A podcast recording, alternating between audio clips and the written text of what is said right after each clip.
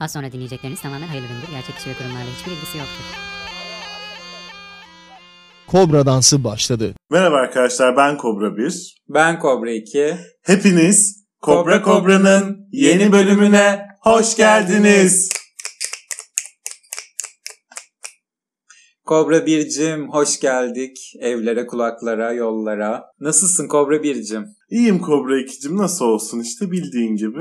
Git gel Konya 6 saat derler bizim orada öyle oldu biraz. Eminim ki öyle olmuştur Kobra 1'cim. Sen çok yoğun bir insansın. Sosyal medya hesaplarımızı hatırlatarak başlayalım bu haftaki programımıza istersen. Sonda hatırlatmıyor muydun sen bunları? E, bu hafta başta hatırlatayım dedim. Twitter'ımız Cobra Pod, Instagram'ımız Cobra Cobra Podcast. Bize buralardan mesaj atabilirsiniz, takip edebilirsiniz, iletişimde kalabiliriz. Geç sen onları geç şimdi. Milletin derdi ekmekle. Millet aç, dolar olmuş 7,5 lira euro olmuş 10 milyon. Gerçek. Nedir, nedir bu yani? Nedir bu? Bunun adının ne olduğunu ben de bilmiyorum. Ama ekonomimiz bence gayet iyi durumda. E tabii ki öyle. Yani isterse 15 lira olsun bizi etkileyen bir şey olmadığını düşünüyorum. Yani tabii ki hepimiz Türk lirasıyla para kazanıp Türk lirasıyla harcama yaptığımız için ve birçoğumuzun artık hepimizin demekte fayda var buna. Hepimizin evinde çamaşır makinesi, bulaşık makinesi, buzdolabı, televizyon gibi araç gereçlerimiz de olduğuna göre o zaman dolar euro istediği gibi artsın yani bize ne. Bence bu yerli ve milli olmayan sohbetleri bırakıp birazcık da Türkiye'nin en önemli gündemine mi değinsek ne dersin? Tabii ki de evet derim. Yerli ve milli olmayan hiçbir şeyi konuşmak dahi istemediğimi zaten çok iyi biliyorsun.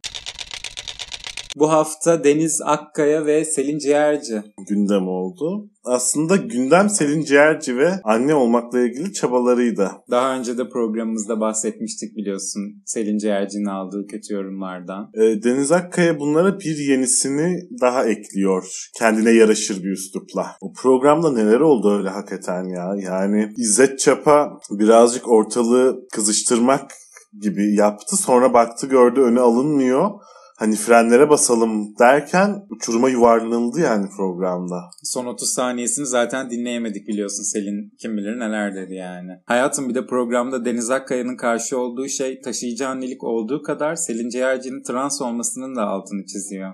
He, trans olduğun için anne olamazsın da vurgusu yapıyor mu diyorsun? E tabii ki. Ama evlat edinme medeni kanun 305 ve devamında düzenlenmişti. Çok merak eden açar bakar. Ne translıkla ilgili ne de cinsiyetle ilgili hiçbir şey yoktur yani. Hiçbir kelime geçmez evlat edinmede. Bazı şartları vardır işte 30 yaşını doldurmuş olmak gibi o şartları yerine getiriyorsan ve çocuğa bakabilecek durumdaysan evlat edinme gerçekleşiyor. Peki gerçekleşir mi sence? Burada tabii Deniz Akkaya'nın vurgu yaptığı başka yerler de var. Eski iş hayatı Selin Hanım'ın. Eski iş hayatına da bazı göndermeler yapılıyor. Tabii bu öne sürülüp bu durum üzerinden değerlendirilip bu evlat edinme işleminin yapılması güçleştirilir tabii ki yapılamaz gibi geliyor. Ama tekrar ediyorum bir trans bireyin evlat edinmesi için hukuken bir engel yok önünde Deniz Akkaya avukatına neyi veriyor peki şu anda? Deniz Hanım'ın avukatına kötü haber hiçbir şekilde hiçbir konuda hiçbir yere dava açamazlar yani. Muhatap yok çünkü karşılarında. Bir de şöyle bir şey zaten hukuk abesle iştigal etmez derler. Ortada bir vaka yok şu anda. Ne bir çocuk var ne hamile bir birey hiçbir şey yok. Yani Deniz Hanım'ın kendi kendine köpürmesi. Avukatı muhtemelen Deniz Hanım'a e, bir şişe pasiflora tavsiye edecektir yani. ne, ne diyeyim? Ne diyeyim gerçek ama yapılabilecek bir şey yok. Hakikaten yok. En mantıklısı buymuş gibi duyuluyor gerçekten.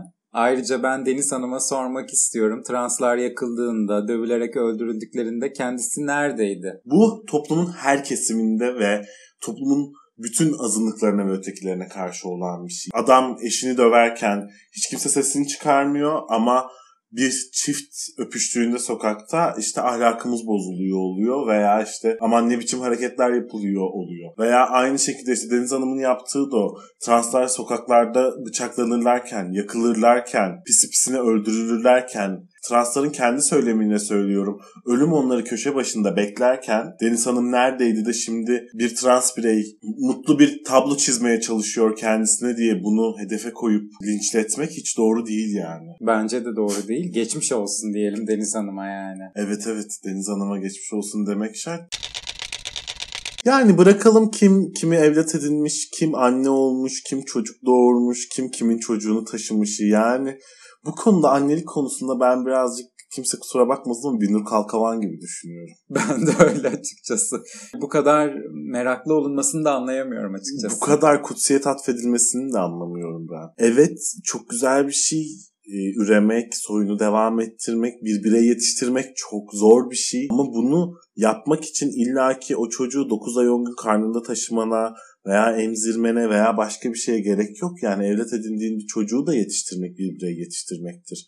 Aynı şekilde sen o çocuğu sadece 9 ay 10 gün işte Binur Kalkavan'ın bahsettiği de buydu. Sadece 9 ay 10 gün karnında taşıyıp ondan sonra bakıcıların eline veriyorsan e bunda bu da birey yetiştirmek değildir. Bunda da kutsiyet atfedilecek bir yan yoktur. Birey yetiştirtmek. Birey yetiştirtmek. Üretmek o işte. Breeding o Üretmek, yani. Tam olarak. Tam olarak o. Aman geç ayol çoluk çocuk kim kaç tane çocuk yapıyor ona karar verenler çok. Biz Kaz Dağları'nda kesilen 3,5 milyon ağaçtan bahsedelim. Cengiz Holding'in keseceği ağaçlarda. Çünkü kimin kaç çocuk yaptığı bizi ilgilendirmiyor ama kesilecek 3,5 milyon tane ağacın ürettiği oksijen çok ciddi ilgilen bütün dünyayı ilgilendiriyor diye düşünüyorum. Bütün dünyayı ilgilendiriyor mudur bilmiyorum ama gerçekten hepimizi ilgilendirmesi gerektiği konusuna katılıyorum. Kaz Dağları'nda yıllardır büyük bir tahribat yaşanıyor zaten ve bir türlü durdurulamadı. Durdurulamadı canım. Durdurulamayacak da gibi gözüküyor. E böyle giderse tabii. 3,5 milyon ağaç gözümde canlanmıyor bile yani ne kadar çok. Ben de. Ben de öyle. İşte sen işte o kadar çok ağacı bir arada düşünemeyenlerdensin. Sen küçük olsun bizim olsun diyenlerdensin. Biz artık Türkiye olarak küçük olsun bizim olsun demeyi bıraktık.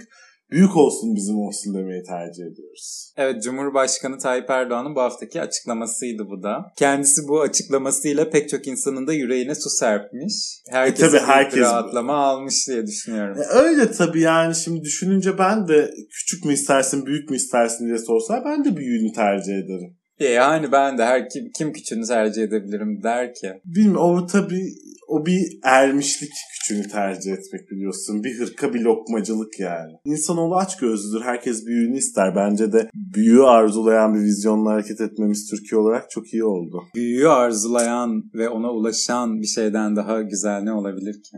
Doğru. Ee, Sanırım bizim ülkemiz Türkiye ile isim benzerliği olan başka bir Türkiye var. Çünkü bu bahsedilen bizim yaşadığımız yer değilmiş gibi geliyor bana Niçin öyle dedin? Türkiye şu anda ekonomide pik yapıyor. Onlar da kalkmışlar bizim puanımızı düşürme yoluna gidiyorlar. demiş. Bence bu cümlede tek bir harf eksik. Tekrar okuyayım mı? Oku tabii ki. Türkiye şu an ekonomide pike yapıyor.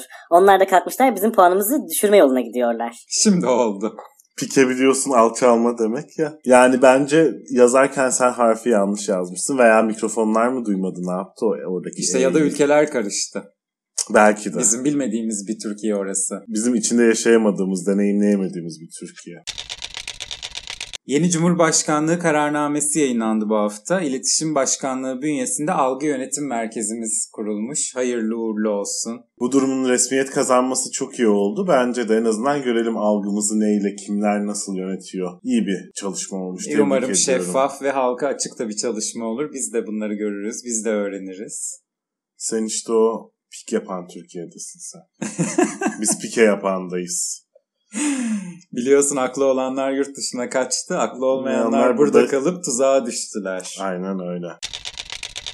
Neyse geçelim bunları. Gündemimiz gene gene gene korona. Koronadan bir türlü kurtulamadık yani. İlk bölüm öncesi sen hiç konuşmak bile istemiyordun. Aman korona mı konuşacağız diyordun. Ama fark ettiysen korona konuşmadığımız bir bölümümüz olmadı. Olmadı. Olmadı gerçekten. Bu hafta da koronadan çok ilginç kesitler söz konusu. İşte aklı olanların yurt dışına kaçıp kendisini kurtarması gibi bazı aklı olanlar Covid testleri pozitif çıktıktan sonra mecburi olan kişisel karantinalarını gerçekleştirmeyip kaçmayı tercih etmişler. Bu hafta Enes Batur karantinayı ihlal edince öğrenci yurduna yerleştirildi Üzerimde oynanan alçakça ve kalleşçe büyük bir oyun var. Psikolojim alt üst oldu. dedi. Bu psikolojisinin alt üst olmuş hali ise ve öncesi olmamış hali ise gerçekten büyük bir sıkıntı var diye düşünüyorum. Keşke psikolojisi hep alt üst kalsa mı diyorsun? Evet keşke psikolojisi hep alt üst alt kalsa diyor. üstünden daha iyi çıktı diyorsun. alt üstünden daha iyi çıktı. Şems gibi biliyorsun. Hayatımı alt üst ediyorsun. Hayatının altının üstünden daha iyi olmadığını nereden biliyorsun? Tam olarak bu Enes Batur için geçerli bence. Hadi buradan da Atiye'ye mi bağlasak biraz? Bağlayalım hadi. Çünkü Atiye'miz- orada geçiyordu ya o. Ha, evet. Atiye'miz bomba gibi bir sezonla başladı. Gerçekten komedi işi Gülsevi Selen'inden gidiyor galiba artık Türkiye'de. Evet evet Türkiye'de yeni komedyenler ortaya çıkmaya başladı gerçekten. Yani çok güzel bir komedisi olmuş. Harika bir kara mizah, İngiliz kara mizahı gibi değil mi? Sezonun sonunda gülebiliyorsun. Sezon boyu böyle şoklar içinde izliyorsun. Sezon sonunda diyorsun ki ah hepsi bir şakaymış. Uzun zamandır ben bu kadar bir, hiçbir diziye gülmemiştim. O yüzden bir kere bütün e, emeği geçen herkesi tebrik etmek lazım. Bütün Doğru. oyuncularından yazarına kadar. E, gerçi kitabın yazarı dava açmış. Kitabımı mahvettiniz diye ama herhalde mizahtan pek anlamayan birisi o yüzden. O yüzden bence de öyle. Başka bir izahı olamaz çünkü. Senin gibi izlediğimde dedim ki güzel mizah yapmış insanlar dedim. Yani oyunculuklara zaten söyleyecek sözümüz yok. Beren Saat'i ne kadar sevdiğimizi, ne kadar takdir ettiğimizi herkes E biliyor. tabi yeni ekolü. E, körle yatan şaşı kalkmış. Mehmet Günsür de neredeyse aynı şekilde performans sergilemiş. Onu da tebrik ediyorum. Mehmet Günsur'un babası Mehmet Günsur'dan daha gençmiş bu arada. Evet.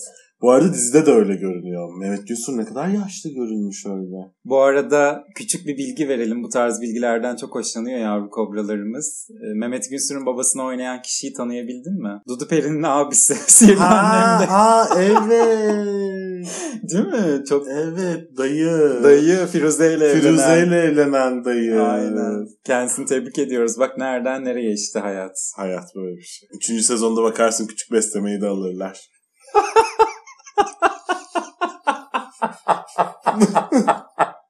Kasta. Bir o eksik zaten. Bir o eksik. Bu arada. Bir tek o eksik. Sağlık Bakanı koca verileri gizlersek nasıl haberiniz olacak demiş. E doğru. Doğru evet. Ama verileri gizliyorsun demedi zaten kimse. Bir de şöyle bir şey var. Bu bir mantık önermesi olarak da çok doğru. Verileri gizlersek nereden bileceksiniz? Yani gizlediğimiz bir şeyi nereden bileceksiniz? Doğru söylemiş bence. E doğru bence de hiç sakıncalı bir ifade değil. Umarım gizlemezsiniz de görürüz yani. E, görüyoruz işte. Türk Tabipler Birliği ama bu konuda bizden farklı düşünüyor diye haberdarım ben ama Türk Tabipler Birliği bizden farklı düşünüyor. O yüzden de kapatılması gerekiyor hayatım. Yani yerli ve milli konuşmalar yapmayan kurumların hala açık kalması beni dehşete düşürüyor açıkçası. evet sadece adında Türk geçen bir kurum yani bu. Yerli ve milli konuşmuyorsan kapa çeneni. Aynen öyle. Ne demiş Devlet Bahçeli? Türk Tabipler Birliği isimli ihanet oluşumu sözde artan vakalara, hayatını kaybeden insanlarımıza ve sağlık çalışanlarımıza dikkat çekmek maksadıyla tüm sağlık kurumlarında siyah kurdele takacakmış. Bu teşebbüs zehirli ve zillet bir komplodur. Birlikten ziyade illete dönen tabipliğin yüz karaları nereye ulaşmayı hedefliyorlar? Siyah kurdele takan takmayan ayrımı hastanelerde vasat bulursa muhtemel gelişmeler hakkında fikri olan var mı? Türk Tabipler Birliği korona kadar tehlikelidir. Tehdit saçmaktadır. Çağrım şudur. Türk Tabipler Birliği bugünkü hassas dönemde insan ve toplum sağlığı hakkında asılsız şaibe ve şüpheleri körüklemektedir. Bu nedenle adında Türk bulunan Tabipler Birliği derhal kapatılmalıdır. Devlet Bahçeli'ye hak vermemek mümkün değil. Çünkü yeni Türkiye'mizin yürüyen bir mekanizması, bir sistemi, bir gidişatı var. Ve Türk Tabipler Birliği çıkıp da gerçek korona sayıları bunlar bilmem ne gibi açıklamalarla yeni Türkiye'mizin hedeflediği noktaya ulaşmasına engel teşkil ediyor. O yüzden yeni Türkiye'nin hedeflediği yere gitmesine engel teşkil eden diğer her kurum ve kişiler gibi kapatılıp Tarihin tozlu sayfalarına gömülmesi aynen gerekiyor. öyle. Sakarya'da da maskesiz sokağa çıkanlara 10 kitap okuma cezası veriliyor biliyorsun. Kitap okumak herhalde bir tek Türkiye'de ceza olarak görülebilir. Muhtemelen. Bazı kitaplar hariç. yani e, tabii öyle yani şey çok önemli. Hangi kitabı okutacağına göre çok değişir. Öyle 10 kitap okursun, okutursun ki hakikaten bir ceza niteliği taşır o 10 kitabı okumak yani. E tabii ki şimdi bu 10 kitap hangi kitap onu da bilmek lazım. Hadi bak ben randomlı listeyi yapıyorum. Hem de bak şey şey yapacağım daha kolay olacak. Seri seri. FGP 3. Twilight 4. Etti sana 7. Green'in 50 tonu. Kaç kitap o? Bilmiyorum. Kaç seri o? 11. Bir tane de bonus. Al sana ceza kitap listesi. Gerçekten tam bir ceza oldu. ben bu listeyi görsem maskesi sokağa çıkmam. Ben de öyle. İki tane takarım. Yalı partisiyle dikkat çeken Miss Turkey güzelinin sevgilisi Milletvekili 1500 kişilik düğün yapıyor. Onu konuşsunlar. demiş. Bu tam tabii bir şimdi imam osurursa cemaat sıçar durumu var burada. Ve haklı da hanımefendi yani. Bence de haklı. Yani çünkü hanımefendi Miss Turkey güzeli belli bir heyeti umumiye tarafından test te- belli bir heyeti umumiye tarafından tescillenmiş bir hanımefendi. Yalı'da kısıtlı bir sayıdaki kişilerle eğleniyor. Öbürküsü toplumun iradesini teslim ettiği, kendisini temsil etmesi için büyük bir çoğunluğun oyunu alan ve bir çoğunluğu temsil ettiğini iddia eden bir kişi. O yüzden hanımefendi haklı yani bir tarafta Miss Turkey güzeli yalı partisi yapıyor. Öbür tarafta bir kanaat önderi bir milletvekili 1500 kişilik düğün yapıyor. Hanımefendi haklı o yalı partisine gelene kadar. Hanımefendiye de haklı dedik ama suyunu da çıkartmamak lazım gerekiyor tabii, e tabii yani. öyle yani ama işte Şimdi o yapıyor dediğin ben de yapayım da doğru bir bakış açısı değil. imam cemaat işte. Tam olarak öyle. Tam muyum? olarak Öyle. öyle. Ama işte birazcık aklı çalışan, birazcık böyle düşünen, oturup düşünen zaten yapılmaması gerektiğini de bilir diye E düşünüyorum. tabii ki öyle. Bir duyuruyla burayı bölmek istiyorum. Çok yakında programımıza da konuk olacak olan canımız Fehmimiz Azize'yi tekrar YouTube'a döndürmüş. Evet ondan çok mutlu oldum ben de onu duyduğuma. Eminim ki televizyondakinden çok daha keyifli, çok daha komik, çok daha eğlenceli olacak. Çok daha sansürsüz olmuş bile ilk bölüm hatta. Çok evet güzeldi. çok keyifliydi. Çok özlemişiz. Aynen böyle devam diyoruz. Ve kendisini en kısa zamanda bekliyoruz. Gün geçmiyor ki ünlülerimiz, oyuncularımız bizleri şoklara sokmasınlar. Halil Sezai 68 yaşındaki komşusunu darp etmiş ve komedyenleri hapse attırmaktan kalan boş vakitlerini de Twitter'da geçirmeyi tercih eden Eren Erdem umarım ifade sonrası serbest kalacaktır gibi 2-3 tweet atmış bu konuyla ilgili. E, darp etmek demeyelim de samimi demokrasi örneği sergiledi mi desek acaba? Diyelim yani gürültü yaptığımız için bize şikayete gelen komşumuzu samimi bir şekilde demokratik haklarımızı kullanarak geri çevirdik diyelim. Evet öyle diyelim. Çünkü Türkiye'de biliyorsunuz demokrasi böyle kullanılıyor artık. Ama yani oyuncuların da biri bin para bakar mısın şuna? Ee, Engin Altan Düz Yatan'ın Pakistan'da yasa dışı yollarla faaliyet gösteren Blue World City projesinin marka elçiliğini yaptığı İçişleri Bakanlığı'nın durumu bildirmesi üzerine sözleşmesini feshettiği ortaya çıkmış. İyi yapmışlar. Yani sen bak yasa dışı bir şey yapıyorsun. Biz bunu fark ettik. Sen yapma bunu demeleri çok nazik bir tavır olmuş gerçekten İçişleri Bakanlığı'nın. Çünkü başka bir ülkede başka bir İçişleri Bakanlığı mevzu bahis olsa muhtemelen duruma müdahale edilirdi diye düşünüyorum. Ya da aynı durumda Türkiye'de başka muhalif bir oyuncu olsa olay çok daha farklı boyutlarda işlenirdi diye düşünüyorum. Yani o zaman Blue World City projesinin yasa dışı faaliyet göstermesine gerek bile olmazdı diye düşünüyorum ben. Ben de öyle.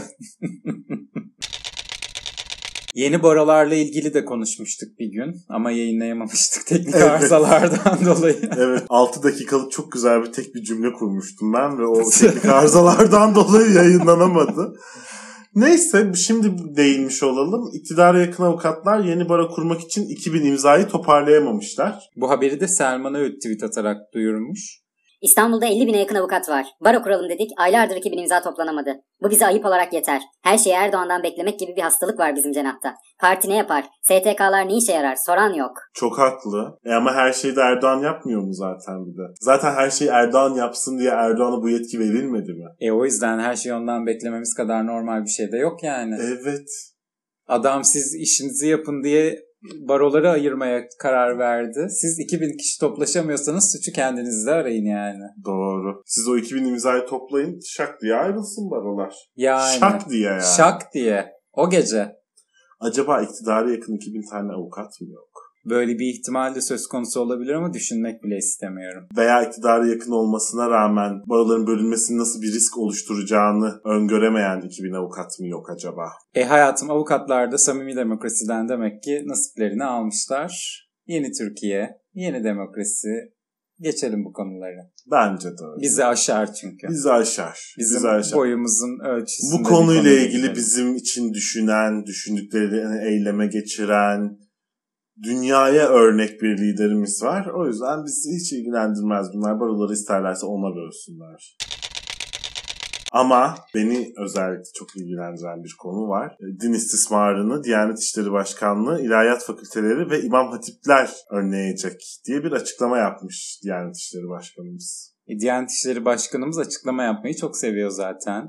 Biz de onun açıklamalarına burada yer vermeyi çok seviyoruz.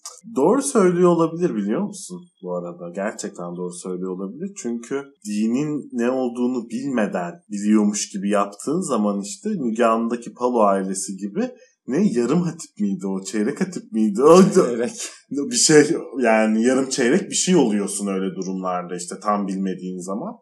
Yani tam bilen insanların bu işi gerçekten tam bilen insanların tutup üfürükçülük bilmem ne işte ayak öptürme, el yalatma gibi mevzulara düşmeyeceğini düşünüyorum ben. O yüzden haklı görüyorum. Keşke dinle ilgili her konuyu bu konuda eğitim almış ve işin ehli kişilere danışsak. E, keşke dini konuşmalar siyaset arenasında da yapılması diyorum ben. Bunu demekte çok geç kaldım.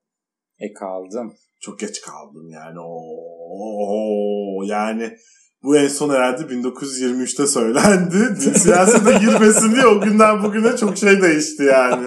Bu din istismarı üfürükçülere vesaire gelene kadar bence çok daha yukarılardan başlanmalı yani. Herhalde canım yani Önemli. bunun holdingi, parası, istihbaratı bilmem ne. E, tabii canım yani. Bize ne? Ama algı yönetim merkezimiz var artık. Umuyoruz ki din istismarı yapanları da yönetecek. Evet aynen öyle. Bundan sonra tek bir elden her şey. Yeni Türkiye. Mis gibi. Yeni Türkiye'den biraz uzaklaşalım. Ee, bizden daha kötü durumda olan ülkelere gidelim istersen biraz. Küçük, büyük Türkiye'ye gidelim diyorsun. Büyük Türkiye'ye gidelim diyorum biraz. Küçük Amerika'dan çıkıp Büyük Türkiye'ye gidelim diyorsun. Olur gidelim. Kanye West kazandığı Grammy ödülünü tuvaletin içine atarak üzerine çişini yaptı. İnan bana durmayacağım notuyla işerken çektiği videoyu paylaşmış. Yani ne zoru var Grammy ile anlamadım ama aynı performansı bu yıl Altın Kelebek alan oyuncularımızdan da bekliyorum açıkçası. E, ayaklar altında çektiler ya altın kelebeği. Ertuğrulcular. Evet. Bir değişime performansı da gelir belki bu sene veya önümüzdeki sene. Yani umuyorum, umuyorum. Trendleri takip edelim. Trendleri takip edelim. Buradan ödül alan herkese bir kez daha hatırlatalım. Hatırlatalım. Golden Shower sevene sevmeyene herkese hatırlatalım. Ve çok edici bir haberle devam edelim istersen. Edelim. Bahar Can'dan kapatılmış. Bence böyle demeyelim de Bahar Can'dan Gucci'den yeni şal almış ve onu göstermek istemiş mi diyelim. Yani bilmiyorum Bahar Candan'ın kafası biliyorsun her zaman karışık. Ne ne yapmak istediğine dair herhangi bir fikrim yok. Onun da olduğunu zannetmiyorum zaten. Ne yapmak Bence ben, ben bir ne yapmak fikri. istediğine dair benim fikrim var. Ünlü olmak istiyor. İstiyor. Onu kesinlikle Nokta. istiyor. Ve birazcık da bence bu duruma makyavelist yaklaşıyor. Hedefe giden yolda her şey mübahtır diyor. Ama işte hedef neresi ve yolda giderken neler yapılacağı konusunda bir fikir sahibi olamıyor bir türlü. Niye? Hepimiz tanıyoruz işte Baharcı'yı artık. Ya tanıyoruz Ünlü mü? tabii ki Ünlü. de. İstediğinde gündem oluyor mu? Oluyor. Ol dedi ve oldu biliyorsun. Ama Bahar Candan'ın hayali gerçekleşecek. Bir gün hepimiz ünlü olacağız artık. Ve aynı şekilde Cem Yılmaz'ın dediği gibi Zeki Müren artık bizi görecek. Her gün gördüğümüz Zeki Müren de bundan sonra bizi izleyecek. Haberimizin detaylarına geçelim. İçişleri Bakanı Süleyman Soylu'nun iki gün önceki açıklaması Türkiye'nin bütün lokasyonlarını, bütün kameralarını, asayişini ve trafiğini bağladığınız ve hakikaten buradan da Cumhurbaşkanlığındaki ilgili birime aktarabileceğimiz olağanüstü bir mekanizmayı ortaya koyuyoruz demiş. Yani Türkiye'deki tüm kameraları saraya bağlıyoruz demiş. Evet artık biz nasıl ki Cumhurbaşkanımızı her gün doyasıya görebiliyoruz. O da sevgili tebaasını her gün doyasıya izleyebilecek. Kim hangi sokakta ne yapıyor, ne ediyor, kim saat kaçta işe gidiyor, kaçta dönüyor, kimin üç çocuğu var, kimin beş çocuğu var. Hepsinden bizatihi haberdar olacak. Örnek bir davranış. Keşke diğer ülkelerin cumhurbaşkanları da vatandaşlarıyla bu kadar ilgilense, içi dışlı olsa, neler yaptıklarını bir görse yani. Ama işte bak aradaki fark şu. Vatandaşlarının ne yaptığıyla ilgilenmeyen cumhurbaşkanlarının olduğu ülkelerde o insanlar o ülkenin vatandaşları. Ben ne dedim fark ettiysen bizler cumhurbaşkanımızın tebaasıyız. Bizler şahsi olarak cumhurbaşkanımızın bizzat alakasına muhtaç insanlarız. O yüzden Cumhurbaşkanımızın diğer ülkelerdeki cumhurbaşkanlarını örnek alıp bize bir vatandaş muamelesi yapmayıp tebaası gibi böyle kendisininmiş gibi sahipleniyor olması senin Gurur de dediğin verici. gibi evet gurur verici ve örnek alınması gereken bir davranış. İşte samimi, Samimi demokrasi. demokrasi. Gerçekten samimi demokrasi tam olarak böyle olur. Hadi Silivri'nin kapısından dönelim. Dönelim. Artık Twitter'ımız. bu hafta bunu bitirelim. E ama yani sen de başında hatırlat, kıçında hatırlat yeter daha.